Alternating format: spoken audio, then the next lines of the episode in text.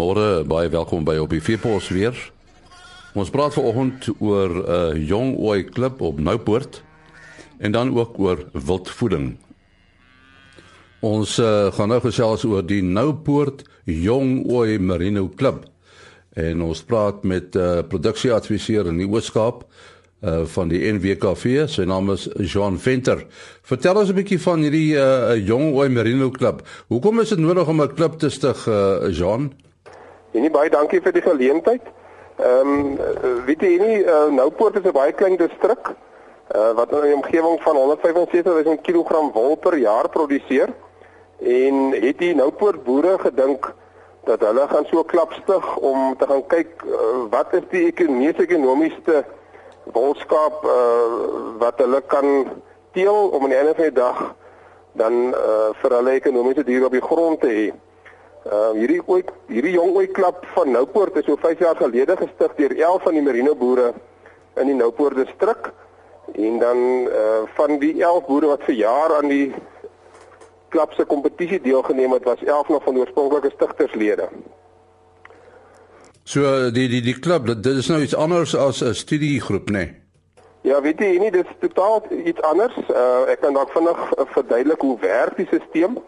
Uh daar word jaarliks deur elke lid van die klub 6 jong ouetjies in die projek ingeskryf. Hierdie ouetjies is dan so in die omgewing van 6 maande oud. Ehm um, die 11 lede van die klub bring dan die ouetjies ook na 'n spesifieke boer toe, na een van die lede van die klub Dit werk op 'n rotasiesisteem sodat die oetjies elke jaar op 'n ander ou se plaas gaan wees. Ehm um, hierdie ses oetjies per lid is dan ook vir 'n periode van so ongeveer 8 maande uh by die gasheer boer en hierdie oetjies word ook aan aan die boer se bestuurstyl, dit wil sê sy in intens en doseer program blootgestel. En al wat die oetjies op die veld ekstra kry is 'n lek net om te help dat hulle die veld beter benut. En uh daar word ook sorg gedra dat hulle nie die oetjies moet voer nie sodat hulle op natuurlike veld aangepas kan word en die toetse daarvolgens gedoen kan word. So op jou end is dit lyk my 'n kompetisie, is ek reg? Ja, weet jy, nie 'n soort van 'n projek kompetisie. Ek meen dit is maar aan die einde van die dag 'n kompetisie waar daar wenners na die 8 maande periode aangewys word uh op verskillende kategorieë wat natuurlik die belangrikste kategorie die die mees ekonomiese ooitjie en dan groep van ooe tussen die verskillende boere. Ehm um, die klap nooi ook elke jaar 'n buite boer wat gewoonlik 'n bekende stoetteler is van naburige dorpe of distrikte uh om dan deel te neem aan die projek. Uh dit is maar basies om jouself te meet teen iemand wat wat almal weet 'n baie goed goeie stoetteler is om te kyk hoe vaar uh, die plaaslike diere dan teen so 'n stoetteler se diere. So jy's nou by die NWKV, is dit 'n 'n tipe projek wat op ander plekke ook plaasvind? Ja, weet jy, en ons het in Middelburg distrik self ook uh die, wat op die baie baie dieselfde pr prinsip gebaseer is. En ek dink dit is baie positief omdat die diere te mekaar meeding wat op dieselfde omstandighede groot word. Uh die ouens meet natuurlik die wol kilogram toename in daai 8 maande, hulle meet die massa toename en die wol word ook ontleed by die woltoetsbureau. Uh en dan sodoende kan 'n ou bepaal wat die mees ekonomiese ooitjie is en daardeur leer die medeboere bymekaar. Uh, ek meen aan die einde van die dag moet jy nog steeds 'n ooi hê wat op 'n handoog koördinasie op al die wol eienskappe en al die bouvorm eienskappe ook die toets gaan slaag um, om dan aan die einde dag aanpasbare dier te hê wat vir jou ekonomies kan produseer op die plaas. En lyk my die ouens neem graag deel. Ja, weet jy, uh en nie die ouens neem baie deel. Uh, die klap is maar redelik geslote. Uh as jy nog gaan kyk, die Noupoort klap is nou al 5 jaar aan die gang. Uh, hulle staan nog steeds op 11 lede en die gasheer ouens wat elke jaar ingenooi word neem met groot entoesiasme deel en ek dink die ouens wat groot toetelers is leer ook uit die proses uit uh ek meen as ou so met boere omgang het en sien hoe elke ou sy sy ding op die plaas doen leer ou elke dag iets nuuts daaruit. Kan jy net vir ons sê hoe lyk die wenners vir vir vanjaar? Weet jy nie uh daar's verskillende kategorieë die belangrikste soos ek gesê het is maar die ou wat die mees ekonomiese groep oeye en dan die einde dag die mees ekonomiese ooitjie het. En dan ons wenner vir hierdie jaar met die mees ekonomiese groep van 5 ooitjies is Frikkie Visser van Noupoort wat dan uit die afhangsaak ook die mees ekonomiese ooitjie vir 2020-2015 gehad het. En ehm uh, dan aan ons tweede plek met die mees ekonomiese groep was uh, Tommy van der Walt Dan is daar ook 'n uh, groep van oetjies met die hoogste wolwaarde wat dan uit die afsaak ook Frikkie Vissersin was. In die tweede plek uh, Jimpie de Villiers en dan 'n uh, groep van 5 oetjies met die hoogste vleiswaarde was dan Tommy van der Walt in die eerste plek en Frikkie Visser in die tweede plek. En dan as ons hom afbreek na per oetjie toe, kom ons dat uh, die enkel oetjie met die hoogste wolwaarde was weer Frikkie Visser. In die tweede plek Tommy van der Walt En dan die oetjie met die hoogste vleiswaarde was weer Tommy van der Walt en Yuri Lessing. En dan met ons groot wenner wat Frikkie Visser was met die mees ekonomiese oetjie asook die groep van 5 oeye vir die dag. Nou, as jy die projek leier. Dit is uh nie nie die projek leier nie, ons werk maar saam, ons werk baie nou saam ook met ons uh, wolagente CMW BKB en dan uh, is daar ook redelik hoeveelheid borgers betrokke om dit 'n uh, 'n uh, suksesvolle dag te maak sodat elke ou dan 'n prys of wat kan kry na die einde van die dag en die 8 maande uh wat die oetjies by 'n spesifieke boer loop. Ons sê baie dankie aan Johan Venter. Hy is 'n produksieadviseur in die Oos-Kaap vir die NWKV.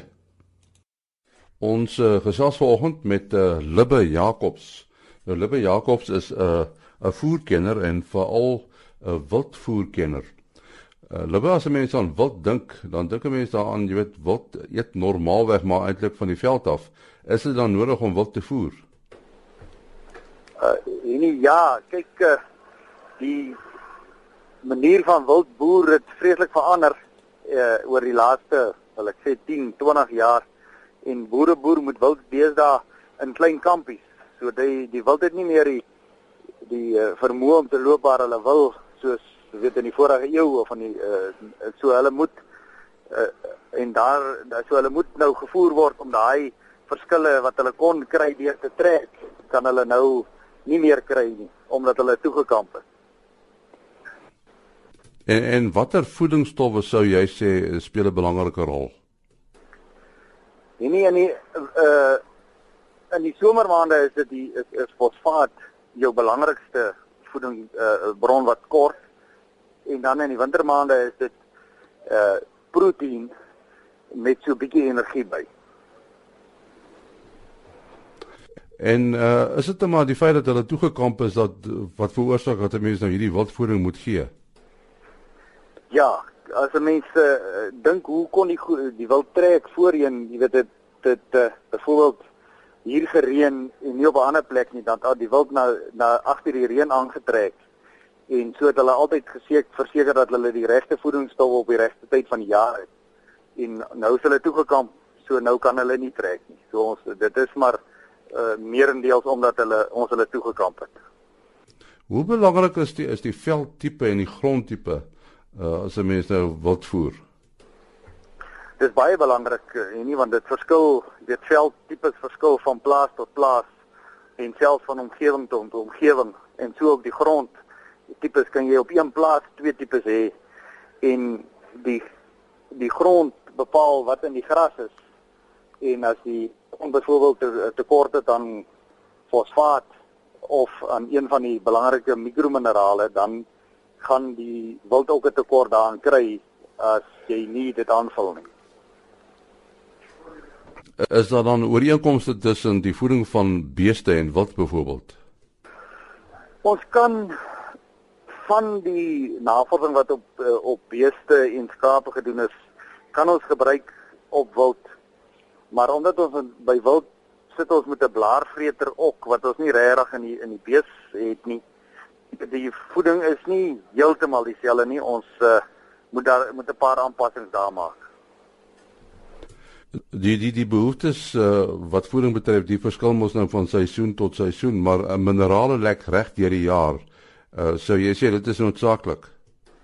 Dis baie noodsaaklik uh, nie want uh, uh omdat ons met uh, die die die grondverskille sit en die uh, ook die uh, veldtipes verskille asook die feit dat ons uh, die wild deesdae laat die ouens hulle lam dwars deur die jaar lam of kalf dwars deur die jaar moet ons hulle uh, uh, behoeftes aanvul in daai kritieke tye sodat jy is dis altyd 'n 'n baie goeie praktyk om 'n mineraal lek dwars deur die jaar aan te hou En nou in die winter, hoe maak 'n mens in die winter?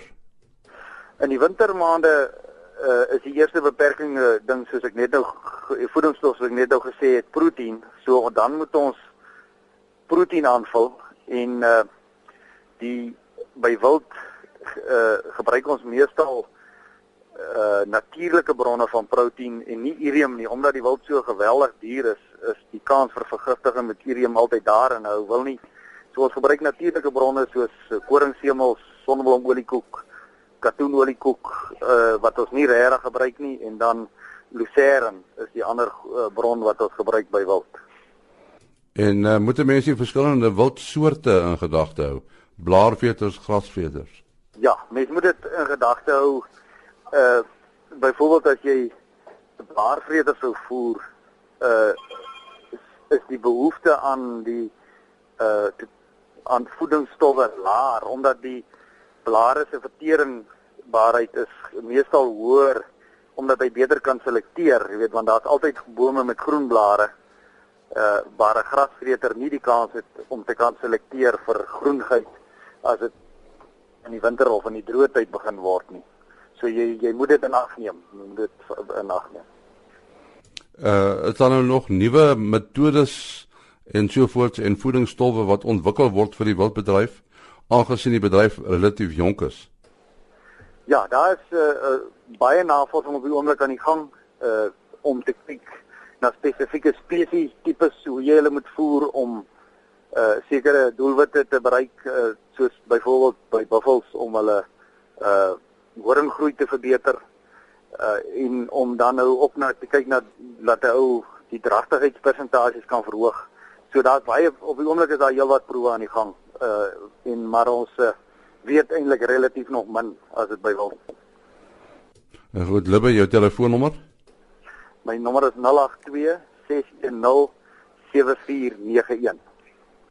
Dit was aan Libbe Jacobs gepraat oor die uh, voeding van wat 082 610 7491. daarmee ook die einde van hierdie aflewering van op die Veepos. Ons is môreoggend om 4 voor 5 weer terug. Mooi loop. Ah.